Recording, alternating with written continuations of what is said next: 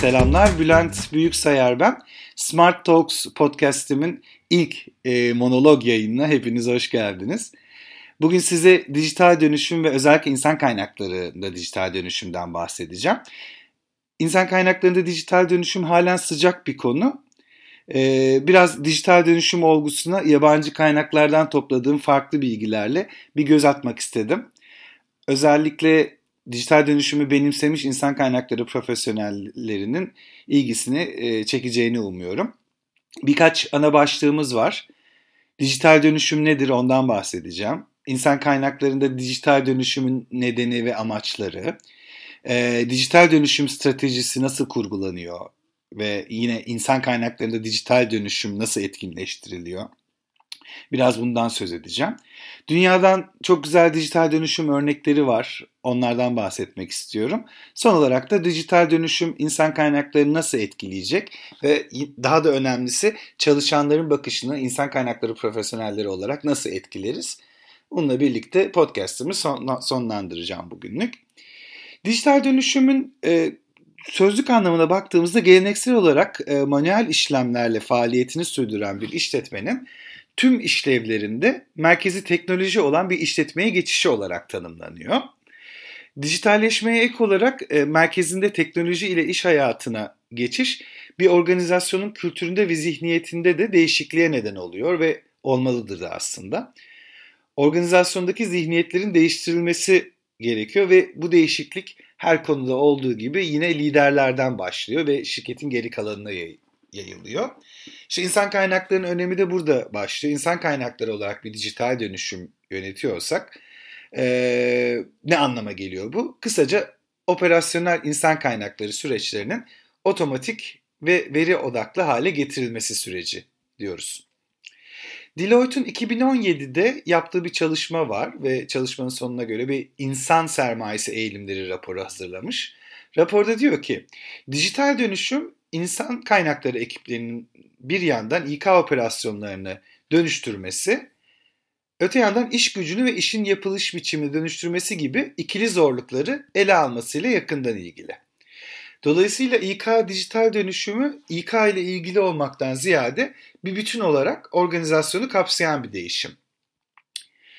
MIT'de e, dijital ekonomi konularında uzmanlaşmış bir araştırma görevlisi var. George Westerman. Westerman diyor ki, çok da güzel bir söz, dijital dönüşüm doğru yapıldığında kelebeğe dönüşen bir tırtıl gibi. Ama yanlış yapıldığında sahip olduğunuz tek şey gerçekten hızlı bir tırtıl.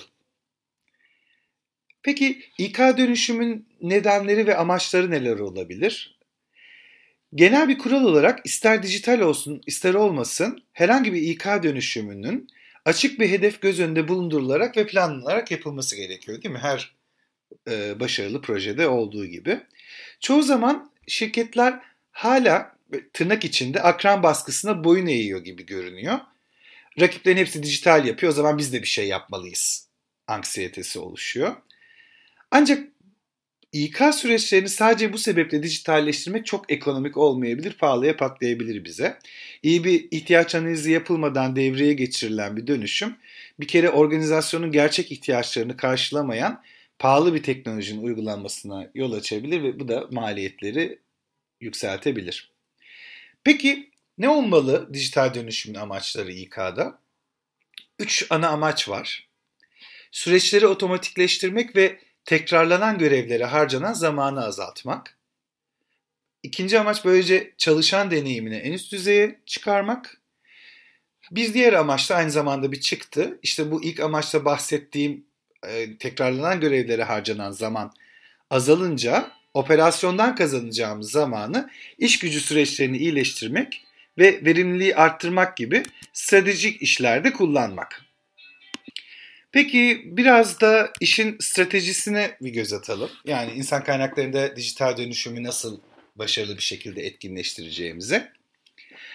Kanada orijinli bir nevi danışmanlık firması olan bir firma var. Kurumsal müşterilerine önceden yapılandırılmış analitik çözümler sunuyor araştırdığım kadarıyla. İsmi Vizier ya da Vizier bilmiyorum hem İngilizce hem Fransızca konuşulduğu için Kanada'da Vizier diyelim. Vizier'in strateji sorumlusu Dave Weisbeck İK dönüşümü hakkında neler yanlış neleri yanlış anladık başlığıyla İK dönüşümünü durdurmak istiyor. Çarpıcı. Kendi sözleriyle aktarıyorum. Burada cesur bir tutum alacağım ve şu anda İK dönüşümü geçiren veya bunu düşünen herhangi bir organizasyonun dönüşüm çalışmalarını paydaşlar paydaşlarınız nedenini açıkça belirtmediği takdirde derhal durduracağım ve başarıyı nicel olarak nasıl ölçeceğinizi bilmenizi tavsiye edeceğim diyor. Gerçekten cesurca bir açıklama. Aslında ilk adım işte biraz da bununla ilgili dönüşümün başına doğru sorular sormak. Peki e, bu doğru sorularla birlikte tabii ki doğru konulara değinmek. E, birinci konu insan kaynaklarının dijital dönüşümü uygulayarak ulaşmak istediği hedefi tanımlaması. E, bu hedefi de bir takım sorularla daha da somut hale getirebiliyoruz. İşte süreçten etkilenen herkes için işleri kolaylaştıracak mı? Yani bu dönüşüm son kullanıcıya fayda sağlayacak mı? Koyduğunuz hedefler ölçülebilir mi? Ki klasik bir hedef sorusudur bu. E, ve iş üzerinde olumlu bir finansal etkisi olacak mı? Öteki konu bu dönüşümü kimlerin uygulayacağını belirlemek. Yani bu dönüşümü kimlerin yöneteceğini belirlemek daha doğrusu. Bu dönüşüm tabii ki başta İK ve bir de tüm yöneticiler e, için e, sorumluluk alınması gereken bir alan. Çünkü insan kaynakları uygulamalarında yapılacak herhangi bir değişiklik doğrudan bu yöneticileri ve tabii ki ekiplerini etkileyecek. Başka bir konu gerekirse dijital dönüşüm süreci için ek kaynaklar kiralanması ki çoğu zaman da gerekir diye tahmin ediyorum. Şimdi işin doğası gereği dönüşümü gerçekleştirmek için araçlara ve uzman kaynağına e, uzman insan kaynağına ihtiyacınız olabilir. Örneğin bir süreciniz için yapay zeka kullanmayı planlıyorsanız bir veri bilimcisiyle çalışmanız gerekebilir. Bir diğer konu belirli bir aracın başarılı olduğunu belirleyeceğiniz bir zaman dilimini belirleme. Şimdi her süreci şirkete kattığı değeri göstermek için belirli bir süre tanınmalı değil mi? Örneğin yeni bir aday başvuru takip sistemi uygulayacaksanız işte İngilizce deyimiyle Applicant Tracking System diyoruz ya ATS uygulayacaksanız. Örneğin bir çeyrek yıl yani 4 ay gibi bir süre tanımak size kaliteli bir veri tabanı e, oluşup oluşmadığını söylemek için yeterli bir süre olabilir. Başka bir konu dijital dönüşümün sonucunda hangi süreçleri sona erdireceğinizi belirleyin. Tabii ki doğal olarak e, rafa kaldırılacak süreçler olacak. Bu bunları belirleyip rafa kaldırma zamanı geldiğinde belki hiyerarşik açıdan da yeni bir yapı gerekebilir. Yönetimin yeniden düzenlenmesi gerekebilir ki hassas bir konu. Bunları yönetmek de gerekebilir dönüşümün çıktısı olarak. Çalışanlarınızı değişiklik için hazırlayın. Bir son maddemle de alakalı dijitalleşme kültürünü oluşturmayı da besliyor bu. İnsan kaynakları süreçlerinde bir değişiklik dahil olan tüm paydaşların bu değişiklik için hazırlanmaları gerektiği anlamına geliyor. Mesela küçük bir ölçekte başlamak başarısızlığın etkisini en aza indirebilir. Yani bir pilot proje uygularsak e, bu pilot projeden edineceğimiz öğrenimi şirket çapındaki bir projeye geri bildirim olarak sunabiliriz ve böylece büyük ölçekte hata yapmaktan da kurtuluruz. Biraz önce bahsettiğim dijital kültür, dijitalleşme kültürü oluşturma işin en önemli kısmı bence. İnsan kaynaklarının e, dijital dönüşümün özü aslında işte bu dijitalleşme kültürünü yaratmak. E, Accenture biliyorsunuz çok büyük bir firma. CIO'su yani işte bu bilişim teknolojinin başındaki kişi oluyor herhalde. Chief Information Officer. Andrew Wilson diyor ki sorunsuz bir dijital dönüşüm sağlamak için kuruluşların teknoloji yerine çalışanlarını ilk sıraya koymaları esas. Bu kullanıcıların yeni teknolojiyi benimsemelerini sağlar. Birazdan Wilson'ın güzel özlü sözleri var onlara döneceğim ama şu noktada bir şeyler yanlış gitti ve dijital dönüşüm hedeflerimizi gerçekleştiremedik. Ne olacak ona değinmek istiyorum. Nerede hata yaptığımızı anlamak için yine bazı sorular sormamız lazım. Kısaca aksaklıkların nerede olduğunu belirlemeliyiz. Örneğin demin bahsettiğim aday başvuru takip sisteminde adayların ya da sistemi kullanan insan kaynaklarının zorlandığı durumlar neler? Sizin de başınıza gelmiştir. Bir proje yapıyorsunuz, işte uygulamaya geçiriyorsunuz. Son kullanıcı rahat kullanamıyorsa bir takım engellere, duvarlara çarpıyorsa o proje ölüyor yani yarattığınız sistem. Buna dikkat etmek lazım. Bunun için de e, koçluk yapmak gerekiyor olabilir. Çünkü yeni teknoloji bazen korkutucu olabiliyor. Bazen böyle direnişlerle karşılaşabilirsiniz. İşte ekibinize bunu uygulamadı, e, uygulamadan yani koçluğu e, uygulamadan e, bu sistemi hayata geçirirseniz ekibinizin performansınızı olumsuz performansın olumsuz etkileme e, durumu söz konusu olabilir. O yüzden de koçluk yapın ve e, koçluk için gerekli verileri kullanın. Dijital için seçtiğiniz çözümü yeniden bir değerlendirmeniz gerekebilir. Çünkü belki kullandığınız araç sizin amacınıza hizmet etmiyor. Belki daha gelişmiş bir şeye veya tamamen farklı bir çözüme ihtiyacınız var. Biraz acı verici bu tabii bütün maliyetleri yani bütün maliyeti yarattıktan sonra. Bu yüzden yatırım yapmadan önce çözümün amacını belirlemek önemli. İşte bütün bu soruları ve adımları takip etmek bir sonraki adıma geçmenize yardımcı olabiliyor. Veya e, üzücü de olsa sizi e, en başa geri götürebiliyor.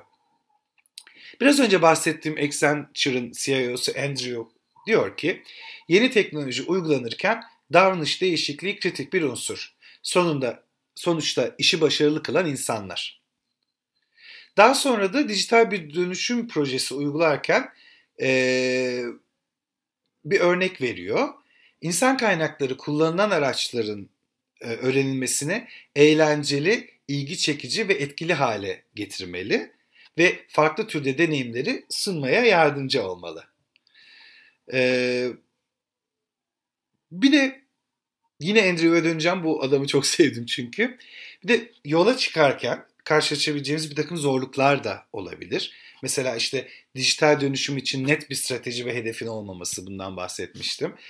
E, dijital dönüşümü sağlayacak bütçenin eksikliği, uzmanlık eksikliği bu projeye liderlik edecek ve şirketteki çeviklik eksikliği. Bu sorunlar yaygın ve sorunların ele alınması için insan kaynaklarından esneklik bekleniyor. Andrew son olarak diyor ki, İK çalışanlarının teknoloji trendlerine ve uygulamalarına ayak uydurmak için çalışanlarını her zamankinden daha hızlı yeniden eğitmeleri gerekecek diyor. Andrew amcamız böyle bilişimciden öte gerçek olması gereken bir insan kaynakları e, profesyoneli gibi konuşmamış mı? Her yöneticinin İK'cı şapkası da giymesi gerektiğini güzel bir örneği bence. Gerçekten sevdim. Okuduğum başka bir kaynakta da diyor ki İK uzmanı olarak yapabileceğiniz şey kuruluşunuzu ve ekibinizi bu sürece dahil olmaya hazır hale getirmek ve teknolojiyi en üst düzeyde benimsemek. Bunun için kendinizi hazırlamanız gerekir. Farkında olun, güncel kalın, rakiplerinizin aynı alanda ne yaptığınızı bildiğinizden emin olun. Kuruluşunuzun nabzını, ne söylediğini, ne yaptığını göz önünde bulundurun. Bu dijital dönüşüm projenizi başlatmanızı, ilerletmenizi ve tamamlamanızı sağlıyor diyor. Konuşmamın yavaş yavaş sonlarına gelirken bir e, keyifli konulardan bahsedeceğim. Biraz daha keyifli konulardan. E, insan kaynakları dijital dönüşüm örnekleri globalden. Mesela Unilever e, işe alım sürecini kökten değiştirdi. Bundan kısa bir süre önce. Şirket örneğin işe alımlarını daha da dijitalleştirmek için işte sosyal medya kullanıyor, çevrim içi oyunlar tasarladı, yapay zeka ile denemeler yaptı. Başka bir örnek Cisco. E, şirketin iki tane uygulaması var insan kaynakları olarak yeni bu dijital dönüşüm sürecinde uygulamaya geçirdiği bir You Belong at Cisco, et işte bildiğimiz et işareti şeklinde ve Ask, Ask Alex gibi ürünleri oluşturmak için hackathonlar organize etmiş.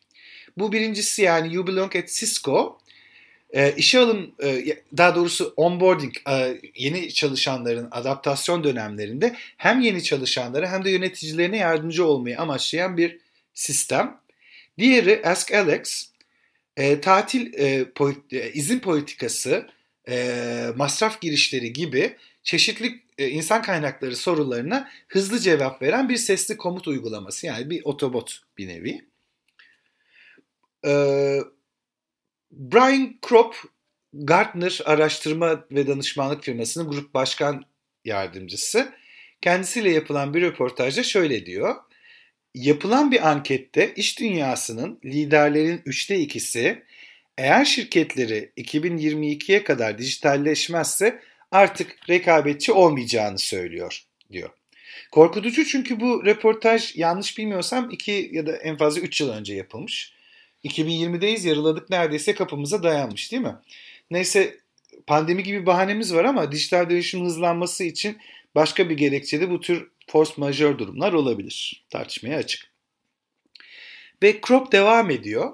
Ancak insan kaynaklarında dijitalleşme yetenekleri işe alma ve geliştirme şeklimiz gibi temel işlevler, işlevlerden performans yükseltme gibi yeni yükler getirmeye kadar her şeyi değiştiriyor. İnsan kaynakları yönetiminin %88'inin önümüzdeki 2 yıl içinde 3 veya daha fazla teknolojiye yatırım yapmaları gerekiyor. Bu çok büyük bir girişim ve birçok yöneticinin tamamen kaybolmuş gibi hissetmesi şaşırtıcı değil. Şimdi dediğim gibi bu röportaj 2-3 yıl önce yapılmış. Bu verilere bakarak dijital dönüşümün neresinde durduğumuzu anlayabiliriz aslında bugünkü durumumuzu inceleyerek. Hep zaten işi teknoloji olan firmalardan örnekler verdik ama mesela Hilton biliyorsunuz oteller zinciri ilginç bir konuya konuda çalışmış. Aday ilgisinin pasif sinyallerini bulmak için tarama sürecini otomatikleştirmiş ve bunları adayların farkında olmadığı şeyler. Yani ne yapmış biliyor musunuz? Ee, işe alım için uygun olan e, adayları seçebilmek için hali hazırda içerideki yüksek performanslı çalışanlardan veri toplamaya dayanan bir veri şey bir algoritma oluşturmuş ve bunu da en iyi adayları tanımlamak için oluşturmuş. Yani böylece adayları daha akıllı bir şekilde filtreleyebilmiş ve en doğru adaylara ulaşabilmişler, odaklanabilmişler ya da. Ee, Krops, Krops son olarak diyor ki odaklanmış bilgi sağladığınızda ve adaylara bunun gibi adaylara ve çalışanlara bunun gibi dijital tekniklerle akıllıca rehberlik ettiğinizde pişmanlık duyulan kararların sayısı %75 oranında azalıyor diyor ve bunu müthiş bir gelişme olarak nitelendiriyor. Bence de müthiş korkunç bir maliyet kazanımı söz konusu. %75 gibi bir orandan bahsediyoruz. Yani pişmanlık duyulan karar işte do- ne, niçin olur? Doğru adayı yerleştirip yerleştirmediğimizle ilgili olabilir. %75 oranında azaltmak ciddi bir maliyet kazancı. E, son olarak dedim ama bir şey daha diyor Krop röportajda. Değişime direnen yöneticileri ikna etmek için güzel veriler var. Diyor ki son 10 yılda bir yöneticiye bağlı çalışan sayısı %50 oranında arttı. Bu da yöneticilerin çalışanların zamanlarını nasıl geçirdiğine ilişkin izleme kapasitesini azalttı. Çalışanların sadece %18'i yöneticilerinin kendi işlerinin ne olduğunu anladığını söylüyor. Ee, yani %18 çalışan sadece müdürlerinin tam olarak ne yaptıklarını anladığını savunuyor. Sonuçta ve şöyle de güzel veriler var. Dijital yönetim tarzını belirlersek çalışanların işe katılımı %40 kadar artıyor. Organizasyonda kalma oranı ise %20 kadar artıyor. Yani düşünün bir %75 işe alımda kazanç var. İşte çalışanların katılımını %40 kadar artırabiliyoruz. Ee, ve retention dediğimiz organizasyonda kalma oranını ise %20 arttırabiliyoruz. Çok ciddi rakamlar. Örneklere devam edelim. Ee, ama dijital dönüşüm örnekleri değil de zaten varlığı tamamen dijital, varlığını tamamen dijital ortama borçlu olan yeni şirketler var değil mi hayatımızda? Artık çok yeni sayılmaz ama görece yeni. Airbnb, elinde tek ev mülkiyeti olmayan dev bir gayrimenkul firması gibi gözüküyor. Ama aslında bir ev kiralama network yani ana faaliyet alanı network teknolojisini sunması. Gayrimenkul kiralaması değil. Uber aynı şekilde kendisine tek bir aracı yok. Yine networking sağlıyor. Facebook yani böyle dilimize pelesenk olmuş bir örnek. Sadece bir sosyal ağ değil aslında dünyanın en büyük medya şirketi şu anda. Ee, işte bu firmalar hep öyle tofaş görünür. Şahin gibi aslında sosyal ağ gibi gözüküyor. Medya şirketi.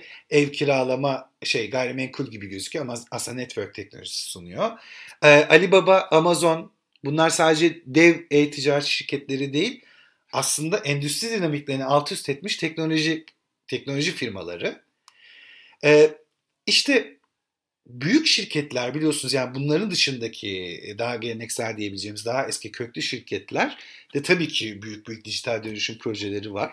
Ama e, bu firmaların çoğu aslında işte bir iki Genius'ın e, fikriyle oluşmuş ve büyümüş, büyümüş firmalar. Neden büyük şirketler de elindeki insan kaynakları, işte teknoloji, know-how, ARGE ile bu tür dönüştürülmüş iştirakler yaratamasın? Neden yeni endüstriler oluşturmasın?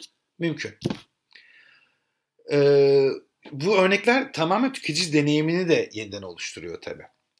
Son konumuza gelince dijital dönüşüm insan kaynakları nasıl etkileyecek? İşte insan kaynaklarının dijitalleştirilmesi, kariyer yapıları, bilgiler, çalışanlarımız, çalışanların beklentileri, e, çalışanın işini yapması için ihtiyaç duyduğu beceriler, yetkinlikler dahil olmak üzere çalışma şekli, şeklimizle ilgili her şeyi değiştirecek bir kere.